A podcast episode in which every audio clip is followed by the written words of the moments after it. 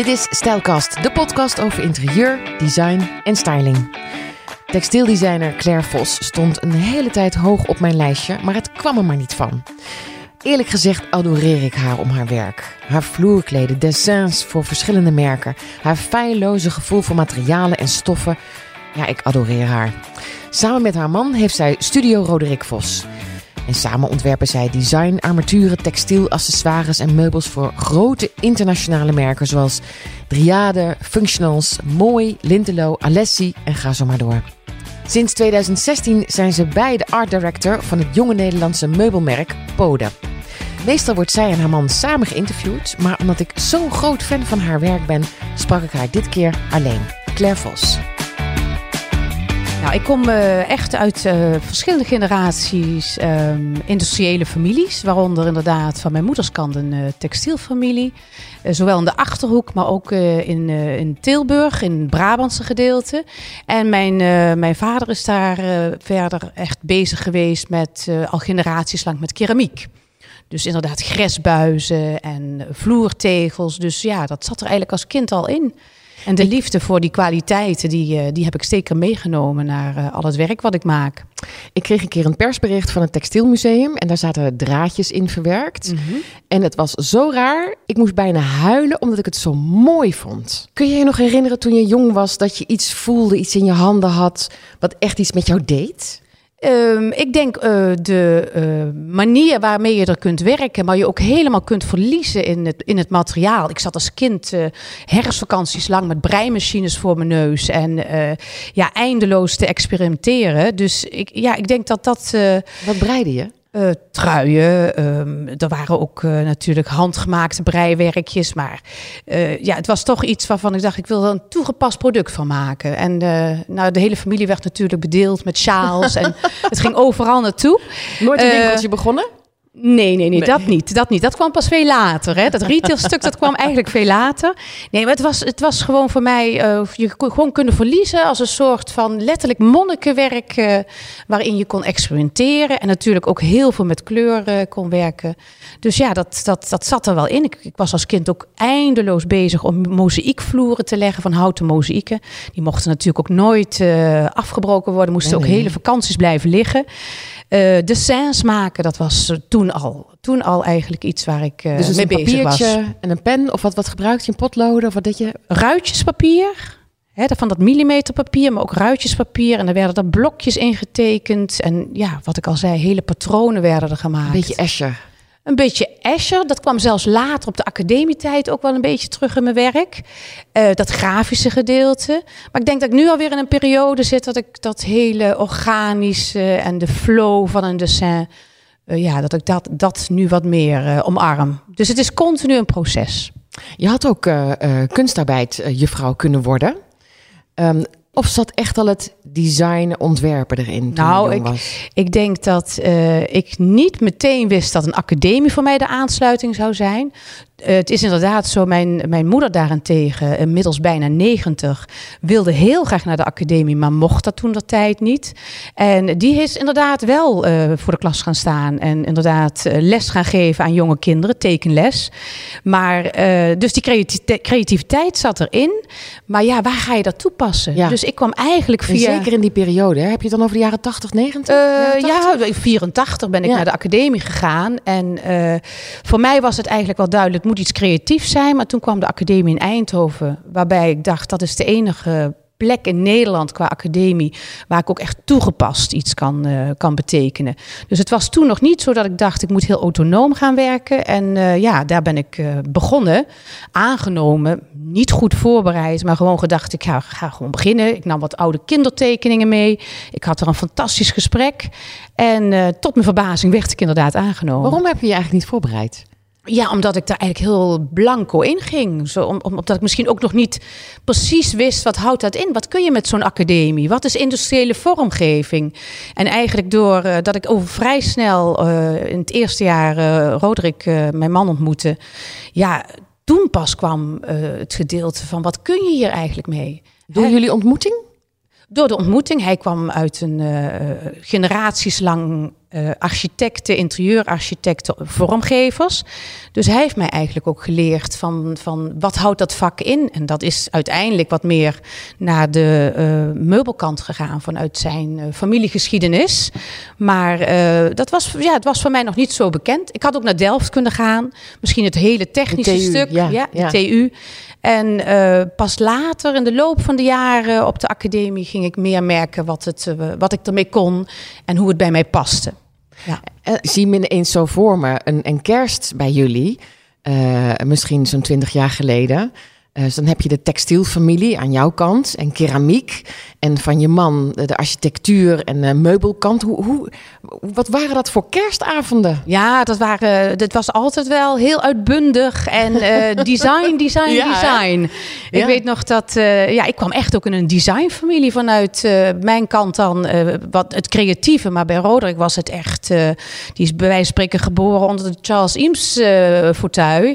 En dat, dat triggerde natuurlijk ook dus in mijn schoonfamilie uh, werd er natuurlijk heel veel over, ook, ook tijdens de kerstdiners gesproken over uh, de design. Uh, en waar ging het dan over? Merken, over verkoop, over ontwikkelingen daarin. Hè, ja, dus die, die, smaak zat daar ook al in. En kennelijk had ik wel de, de smaakpupillen, maar waren die bij mij eigenlijk nog niet zo ontwikkeld.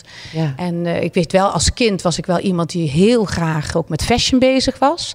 Het had ook de, inderdaad de, de, de fashionkant kunnen worden. Maar ik was heel slecht met de naaimachines en, uh, en de scharen. En ik had altijd ruzie met die apparatuur. Dus uh, ja, de, die blik op fashion heb ik eigenlijk vertaald ook uh, naar interieur. Ja, ja. ja, helemaal niet zo gek. En ook heel fijn, want fashion loopt natuurlijk altijd voorop.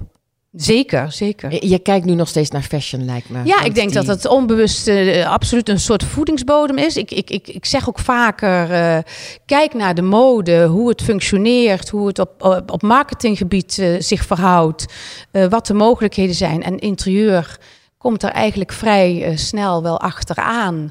Maar uh, het mooie van interieur is dat het natuurlijk veel minder vluchtig is. Hè? De, de, de fashionwereld is dat. Ik denk dat ik daar nu veel minder in zou kunnen bewegen. Alhoewel ik nog wel een wensenlijstje heb om nog eens een keer met een mooi fashionmerk op designgebied verder te kunnen. Maar oh, vertel uh, eens.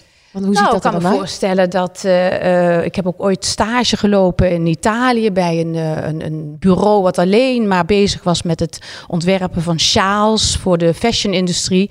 En ik kan me voorstellen dat als, als er een, een, bedrijf als Hermes zou vragen: wil je een keer een collectie ontwerpen? Dat ik daar natuurlijk zeker voor open zou staan. Dus er zijn nog wel wat, wat dromen die te verwezenlijken zijn. Wat heeft Hermes? En ehm, ik denk ook het stukje heritage wat erin zit, het, het, het, het hele rijke daarin het is een combinatie van dessin, maar ook uh, hoe zij presenteren. Als je kijkt in uh, Milaan tijdens de salonen, heeft het ook weer heel veel met interieur te maken. Ze maken ook interieuraccessoires. Dus die combinatie van beide. Ik denk dat daar inderdaad uh, het tweedimensionale van een dessin ontwikkelen tot de presentatie die daarbij komt, dat dat mij eigenlijk trekt.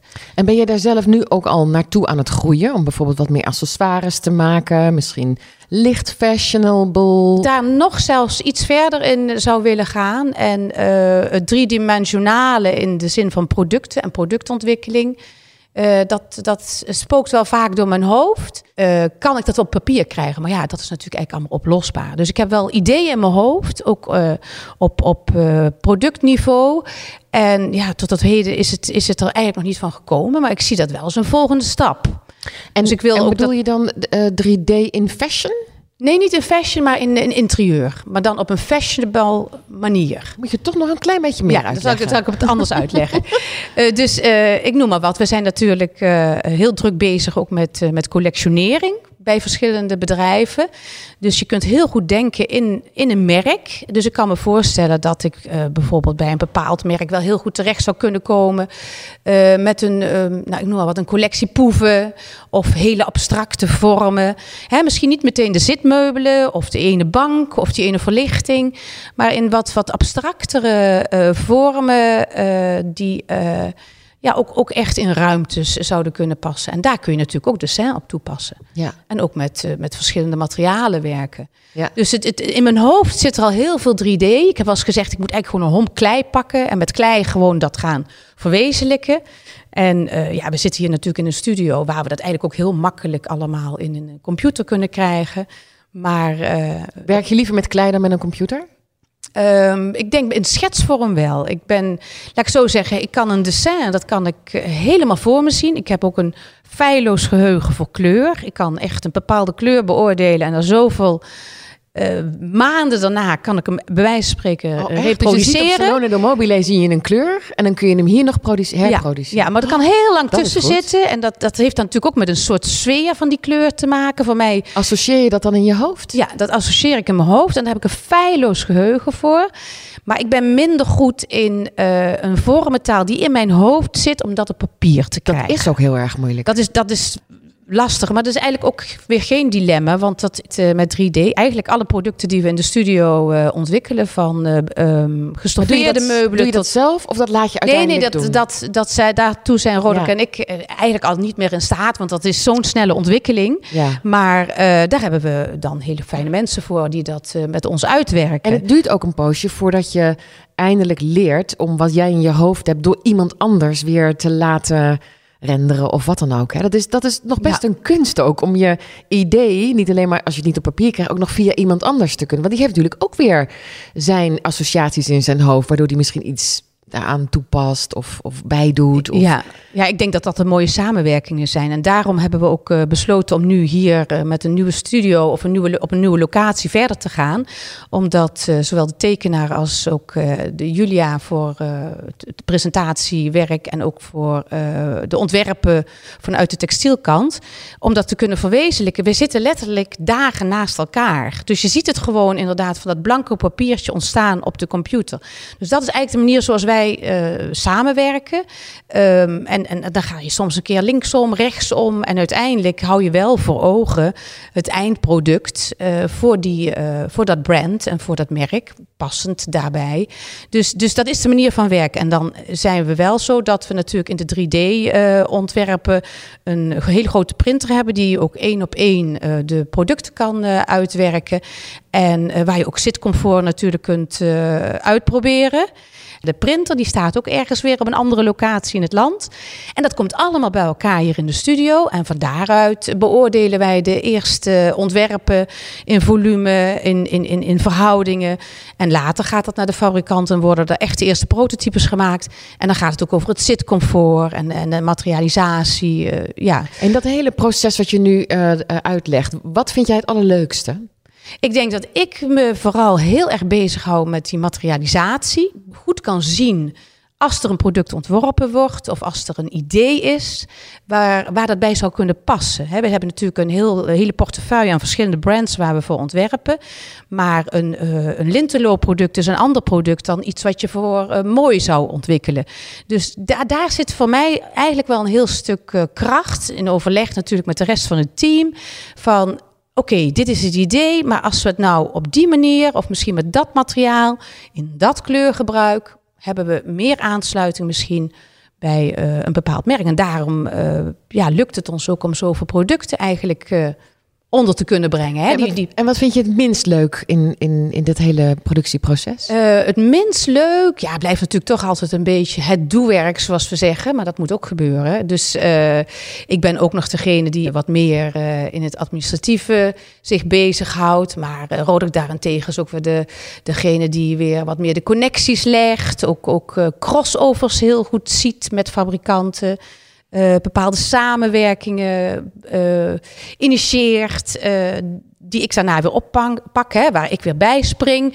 Ja, het is eigenlijk een heel vloeiend iets waar we continu in zitten. Wat heerlijk, ja. wat fijn. En daarom hebben we ook gekozen om niet een al te grote studio te zijn. Uh, we zijn echt met hele korte lijntjes altijd aan het werk.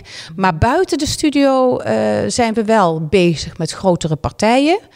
Dus als je kijkt naar het art voor bijvoorbeeld een collectie als Pode, hè, dochteronderneming van Leolux, dan, uh, ja, dan heb je te maken met een marketingafdeling, grote marketingafdeling. Je hebt te maken met productontwikkeling.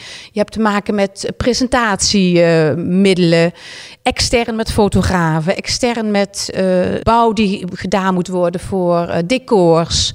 Daar komt zoveel meer bij kijken. Eh, websites, magazines. Dus uh, hier houden we het klein. Als je het zo zegt, is het best een gekke wereld. Is het ook. En, en, wij zijn ook maar één kleine schakel in het geheel. Alleen ik zeg altijd, wij zijn wel toevallig die schakel die de consument van buitenaf het meeste ziet. een consument kan zich uh, uh, vereenzelvigen met een product, met een, een, stoel, met een, uh, een vaas. Um, is, dat wel, is dat wat mensen doen, wat klanten doen? Je vereenzelvigen met een product? Nou ja, je kunt, je kunt daar graag bij in de buurt zijn en je, je kunt daar in ieder geval dat omarmen, die taal die wij spreken, die wij presenteren. En heb, je dat, heb je dat ook geprobeerd te psychologiseren? Waarom een bepaalde doelgroep ergens op valt? Nou, ik denk dat uh, het natuurlijk een bepaalde vormentaal is. We hebben wel een vrij bold, uh, dus echt een beetje brutalere en een, rondere en zachtere vormentaal. Dat is ook de manier hoe we eigenlijk ontwerpen. En dat kunnen we gelukkig ook nu dus heel goed uitwerken, ook met zo'n zo'n zo'n printer. Dat je, dat je daar veel verder in kunt gaan. Wat je, iets, wat je misschien vroeger op papier moest krijgen, was eigenlijk moeilijker om het ja, uit te werken. zeker, ja. En ja, ik denk dat die taal die wij spreken, dat dat wel ook zeker nu uh, omarmd wordt. En wat doet dat in iemands hoofd? Wat, wat, uh, de stoelen die jullie net hebben ontworpen, die hier staan? Ja, precies. Zo'n kaboomstoel voor Fatboy. Ja, ik denk dat dat, dat wel een, echt een allemansvriend kan zijn bij je in huis. Hè? Het is aaibaar. Het is, uh, ergens herken je sommige dingen ook wel. Het, het, het is ook wel weer eclectisch. Dus ja, ik denk dat, uh, dat mensen dat wel uh, omarmen. Je kunt ook zeggen, ja, het is totaal niet mijn taal. Maar ik denk dat we nu in een tijd zitten dat de vormentaal die, die wij misschien al zoveel jaar geleden ook spraken. Hè, als je ziet de Mama-vaas, die is in 1999 ontworpen. En, en dat was nog heel erg de Piet Boon-fase, hè? Met alles ja, rechthoekig. Ja. Uh, nou, bijna geen bruin, alleen maar zwart en grijs tinten, wit. Ja, en heel veel primaire kleuren natuurlijk. Hè. Je had hele strakke ja. designbanken. Die tijd hebben we natuurlijk ook allemaal wel uh, meegemaakt. Maar dat is dus de kunst, dat je, dat je jezelf daar inderdaad in blijft uitvinden. Maar ik merk nu dat de vormentaal die wij zoveel jaar geleden al spraken... Ja, dat dat nu echt wel in dit moment Zeker. past. En ja. Het kleed waar wij nu uh, op zitten, Um, wel op stoelen gelukkig, maar we zitten op het kleed. Um, dit had in een Piet Boon sessie in 95 niet echt gestaan. Hè? Nee, dit, is echt iets van nu. Dat was echt iets uh, too much over de top en die soberheid. En, uh, en dat is natuurlijk ook heel leuk dat je deze taal nu uh, kunt toepassen. Ik moet zeggen, sowieso karpetten, kleden, die hebben enorm in, in, in uh, populariteit gewonnen. Hè? Die zijn echt wezenlijk een onderdeel voor, uh, van het interieur geworden. Sterker zelfs, soms draait het bij wijze van spreken om het kleed. en de meubelen worden erbij uitgezocht. Dus nee, wat dat betreft kunnen we ons natuurlijk uh, enorm ja, op, op los Zeker laten, jij. Hè? Ja, precies. jij bent de karpettenvrouw ja, van jullie twee, toch? Roderick zegt altijd, jij bent de tweedimensionale vormgever. Uh, Roderick is natuurlijk wat meer de driedimensionale uh, En dan bedoelt hij meer de meubels en Ja, ja maar ik, ik denk dat ik inmiddels ook wel ja, zoveel in de keuken heb kunnen kijken... dat ik echt wel heel goed kan zien wat er ontbreekt aan een bepaalde stoel in de verhoudingen. Maar hij is echt wel, dat komt echt uit zijn brein... En we, we kunnen elkaar daar alleen goed in sturen. En wat komt echt uit jouw brein? Nou ja, dus uh, het designverhaal, het kleurverhaal, maar ook de materialisatie. Als we bezig zijn met een uh, collectie samenstellen voor ook voor als art director voor poden, dan kan ik bijvoorbeeld zeggen van ja, we zitten nu met een gestoffeerd meubel. Uh, laten we dat hè, ook wat meer organisch maken, dat mensen het ook van de muur af kunnen halen, meer in de ruimte kunnen plaatsen. maar ik mis bijvoorbeeld iets van glas of ik mis misschien wel weer chroom, hè, dat we daar weer eens een keer naar terug gaan. Het, het, gaat eigenlijk altijd organisch. En het is steeds weer een beetje dat je, dat je een beetje wendt hè, en beweegt. En ja, eigenlijk net dat beetje voor zijn. Ja. Maar... Nog even, even terug naar de, uh, de kersttafel. Um, want toen, toen gingen het avonden over, uh, over design, over verkoop, over wat, wat, wat mooi, wat lelijk is waarschijnlijk. Um, ging het toen ook over maatschappelijke problemen? En de Ehm, samenleving, waren jullie daarmee bezig toen de tijd? Nou, we zaten toen wel in een hele extreem drukke tijd. Hè. We, we, we waren toen ook nog jong. eh, we- onze kinderen werden geboren. We waren wel heel erg gefocust op, op, gefocust op een stukje retail, inkoop, verkoop, projecten. En eh, ja, we probeerden natuurlijk wel de klassiekers van morgen te laten zien, ook in de, in de retail. Dus in die zin ben je wel voor het, het moment iets toe en voegen met, de, met een winkel of retail, waarvan je denkt, daar hebben mensen heel lang eh, plezier van. Maar het is natuurlijk nu iets wat ze eigenlijk alleen maar een extra laag eroverheen heeft eh, gelegd. Hè? We, we kunnen nu niet meer zomaar iets bedenken en maken en zorgen dat het op de markt komt. We moeten wel bewuster daarmee omgaan. En eh, dat doen we dus ook door, de, door bepaalde materialen die we op een andere manier toepassen. Maar eh, ik denk ook in meer producten vormgeven en hopen dat ze ook een lang bestaan hebben. Dus dat ze een generatie kunnen overleven in kleur, in materiaal en misschien ook wat minder eh, ontwerpen. We zitten nu echt wel op een punt dat we ja. denken, het mag ook wel wat minder. Minder, ja. Want je zegt misschien komt dat chroom terug. Hè? Eh, dat, dat haal je niet zomaar ergens vandaan. Hè? Dus je hebt, we, we hebben natuurlijk duurzaamheid, sustainability. Ja. Ehm, het, het liefst willen we eh, iconen in plaats van vintage meubelen. Hè, dus dat, dat is ook weer een nieuwe laag. Je hebt vintage en je hebt iconen die gewoon altijd zoals een nottetje, zoals ik hier achter heb, eh, heb zien staan. Ehm, die is trouwens niet van jullie, hè? Dat Nee, nee, nee. trade, dat, zijn, eh, dat zijn allemaal trades. Ja. En wat je hierachter ziet staan, Ja. dat gaat van, eh, eh, ja, wat is het? eh, Marcel Wanders, eh, eh, Tom Dixon, eh, maar ook eh, hele bijzondere IEM-stukken. Nou, dat is in de loop van de tijd is dat eh, verzameld. Maar nu we weer in deze nieuwe eh, setting zitten, hebben we ook alweer heel veel afstand van dingen gedaan. En dat Dat is is ook een soort museum achter me dus. ja, dat zijn echt, er zitten echt museumstukken tussen. Inderdaad, er zit zelfs een stark prototype tussen, wat eh, Oh. bijna ooit een keer verdwenen is eh, eh, met, de- met de vuilnis. Ja, het is echt een verzamelwoede. Je wilt toch graag ook een soort van bibliotheek aan mooie stukken om je heen hebben. Alhoewel we nu al beide in een fase zitten te denken, nou, hè, less is more. Laten we ook af en toe eens een keer wat en waar gaan ze dan eh, naartoe?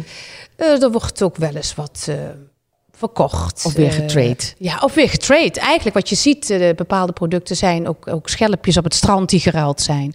Dus de Not Chair tegenover een downtown kast van Roderick toen de tijd met Marcel. eh, ja, het, het, het is ook eh, verzamelen. En zie je, want daar hebben we het net over, over duurzaamheid. Zie je dat dan ook vaker gebeuren in je omgeving? Dat, eh, dat niet alleen designers dat onderling doen, maar dat, dat eh, klanten dat ook gaan doen? Dat ze eh, misschien iets anders in huis willen, maar willen traden? Of denk dat, zeker, dat er zeker. veel meer iconische stukken zijn nu op dit moment dan ooit daarvoor. Ja. Omdat het vroeger oud, als oud vuil of als oud werd gezien. En nu wordt het gezien als iconisch. Ja, precies. Jij zei net ook al, vintage, iconisch. Het zijn twee verschillende dingen. Eh, iconisch, dat is de tijd, zal het wel leren. Ik, ik denk dat er wel een paar producten al in, eh, in, in het portefeuille zijn... waarvan we kunnen zeggen, nou, dat zouden iconische stukken kunnen zijn. Zoals? De, de, een mamavaas, hè, en... eh, Ja, die heeft echt wel heel, heel lang al ja, overleefd. al alhoewel hoorde 20 ik ook jaar. altijd zeggen, ik, wil, hè, ik ben niet degene die alleen maar ooit een vaas heeft gemaakt. dat is ook zo, maar eh, er is nu ook een, de isolatafel van Lintelo, de organische tafel, die al 14 jaar geleden is ontworpen. Wat toen misschien een stuk was wat, waarvan je dacht, dat, waar komt het vandaan? Maar gewoon oorsprong. Heel belangrijk. Maar ik vind dat stuk vintage ook heel interessant. Ik vind het alleen maar, en daarom, wij zullen wat meer afstand doen van sommige stukken. En ik vind het prachtig als zo'n zo'n een mooi stuk een, een nieuw huis vindt en waar eh, iemand dan ontzettend blij mee is. Eh, ehm, ik denk die combinatie is juist heel erg goed. Hè, ook, ook in je interieur. eh, tuurlijk proberen wij mooie producten te ontwerpen. Maar alsjeblieft, combineer het met een mooi vintage stuk. Ik bedoel, de, de jongere generatie is daar natuurlijk na de fashion hè, heel erg mee bezig. Ik vind dat alleen maar heel erg goed. Ja. Dus in, in dat opzicht eh, hoop ik dat we die bijdrage kunnen leveren. Hoop ik dat men kan zeggen, die ene stoel van ontworpen door onze studio eh 20, 25 jaar geleden wordt nog omarmd. En natuurlijk, de tijd zal het leren. Maar we merken eigenlijk al dat dat, dat dat gebeurt, ook bij de generatie uh, onder ons. Toen jou, jouw kinderen op kamers gingen, komt er dan ook absoluut geen uh, IKEA-kast in? Of een IKEA-stoeltje? Nou, uh, laten we wel wezen, we zijn allemaal ooit begonnen met IKEA. toen onze kinderen klein waren, fluschte IKEA er ook nog wel doorheen.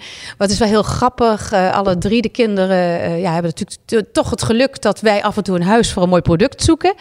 Ik, toevallig dat de middelste laat zei, ja, ik, dit is het laatste IKEA-stuk wat ik heb oh. aangeschaft. Wat was het? Uh, waarschijnlijk een heel praktisch kastje.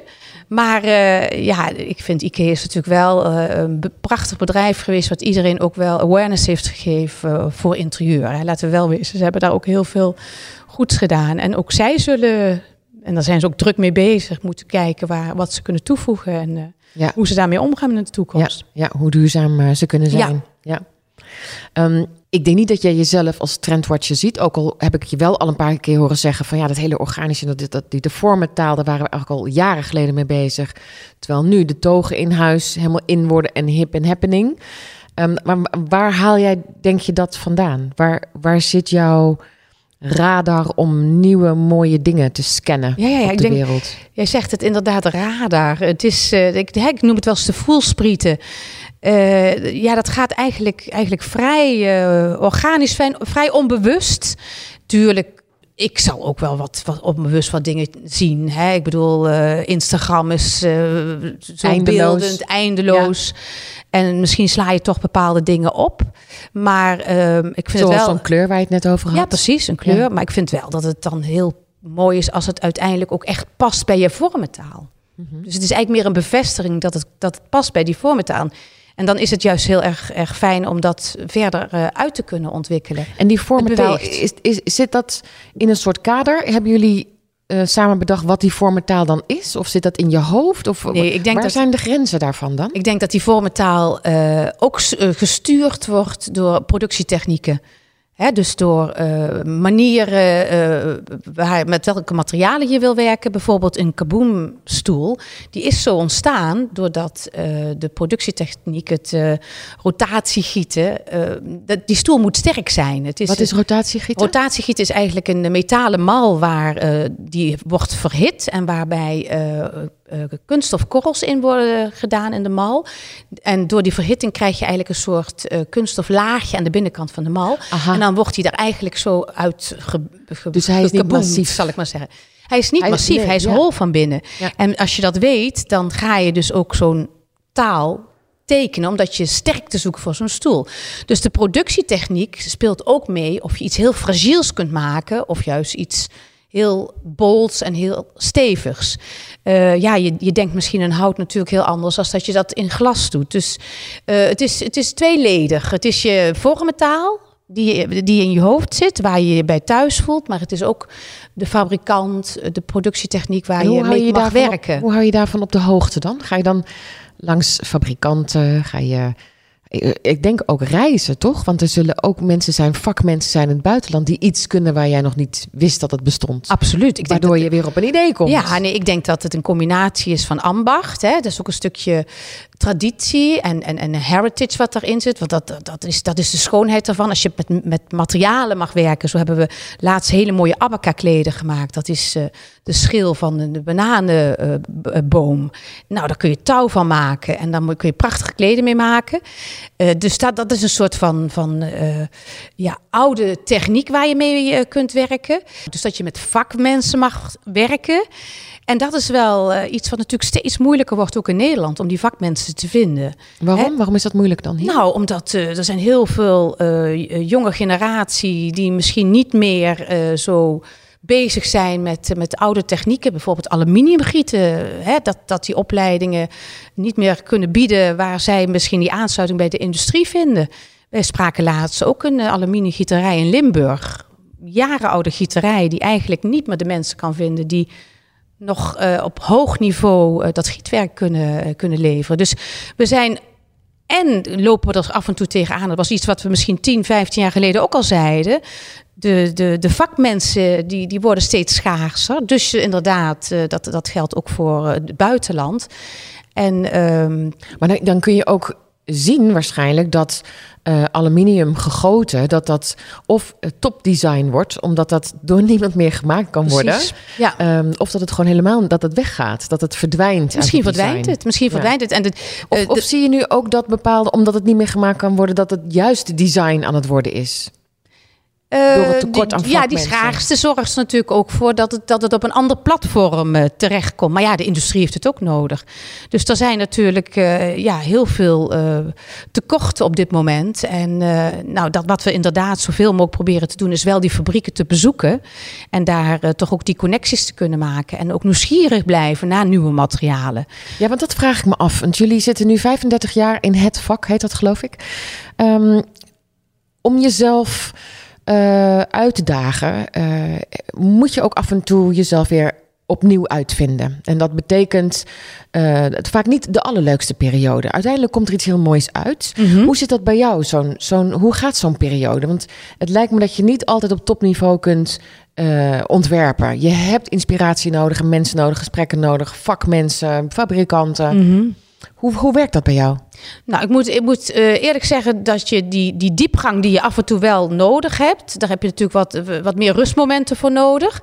Maar het komt eigenlijk wel in, in, in golven. En uh, ook in de COVID-tijd, sommige projecten hebben we echt alleen maar kunnen doen doordat we achter een computer konden zitten en niet naar de industrie konden gaan. Maar ja, dat zelf jezelf steeds uitvinden is toch ook nieuwsgierig blijven.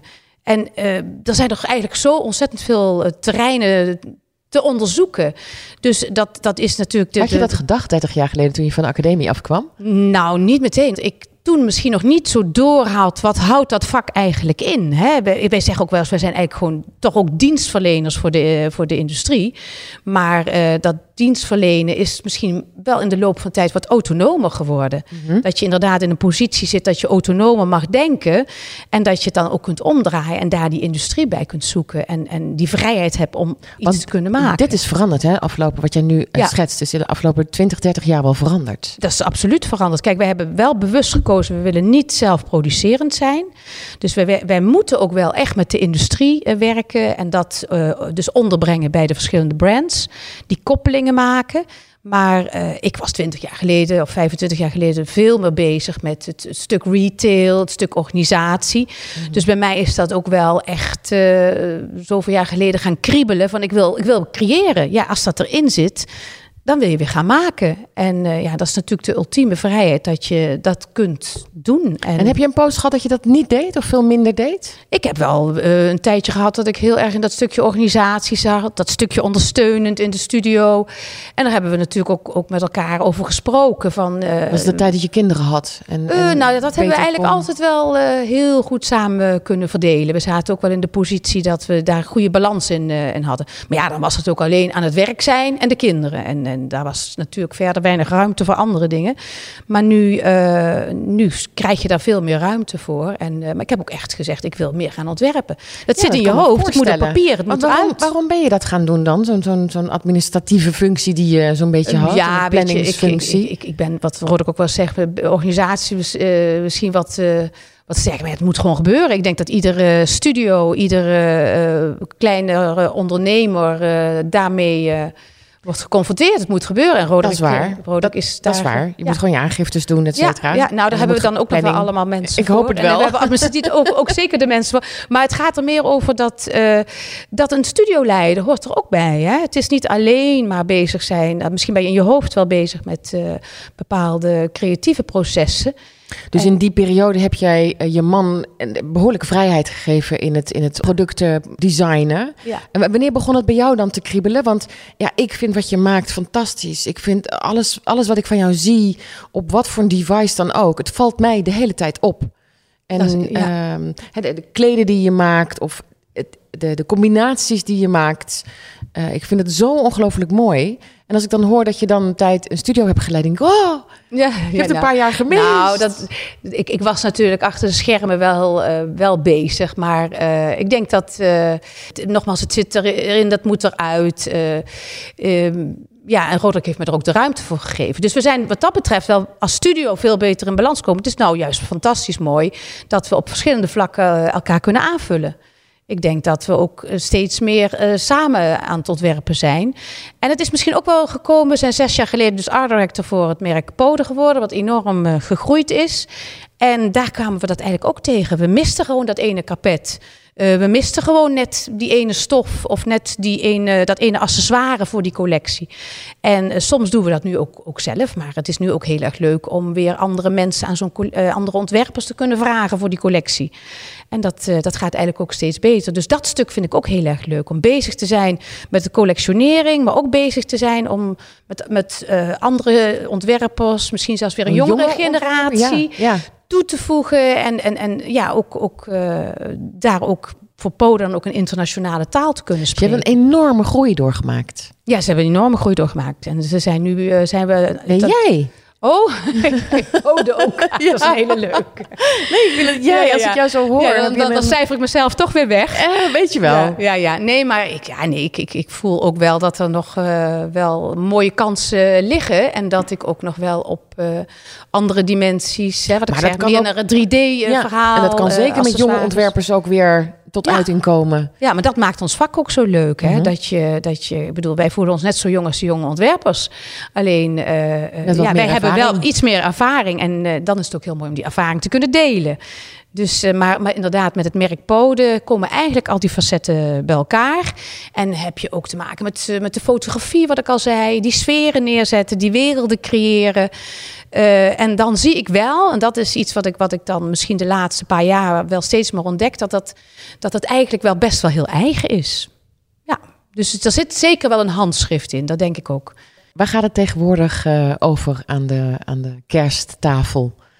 Waar, waar praat jij met je kinderen ja, en aanhang ja, over? Nou, in ieder geval niet meer over van allerlei klanten en design, design, design. Nee, zeker niet. Uh, het leuke is dat onze, onze kinderen eigenlijk ook een beetje het vak inrollen. Maar dan uh, weer andere disciplines. Uh, de oudste is aan het uh, fotograferen. Die heeft een creative agency samen met de oudste dochter van Piet Hein Eek. Ehm, de middelste is helemaal aan het specialiseren, zich helemaal aan het specialiseren op 3D presentaties, tekenen, animaties. Mm -hmm. Ook voor de fashionwereld. En de, de, jongste studeert creative business, dus die is nog een beetje aan het zoeken. Maar zit ook alweer een stuk in de muziek. Dus ja, het, ja het, het, dus het is iets breder dan alleen iets breder. design. Ja. Maar het gaat nog steeds over wat gebeurt er in de ja, wereld. Ja. Ze zijn nog steeds aan het creëren. Aan het creëren. Ja, ja, dat is eigenlijk wel uh, ja, heel bijzonder. Uh, ja, iedereen zegt dat is, toch heel, dat is toch heel logisch dat ze dat gaan doen. Maar ja, als ze een hele andere kant op waren gegaan, hadden we dat natuurlijk net zo goed aangemoedigd. En het leuke is dat, dat uh, ze nu ook ja, met hun verhalen en hun vragen en adviezen kunnen geven tot een bepaalde hoogte. Hoor. Want ja, dan op, laat man. je het ook allemaal weer los. Vind ja, ik ook. Precies. Dus nee, dat is heel mooi om te zien. Ik dank je heel hartelijk voor dit gesprek. Ja, graag en, gedaan. Uh, ik, ik, uh, ik heb je eindelijk gesproken. Jij stond al heel lang op mijn lijstje. Ja, dat kwam en, er maar niet van. En dat kwam er maar niet van.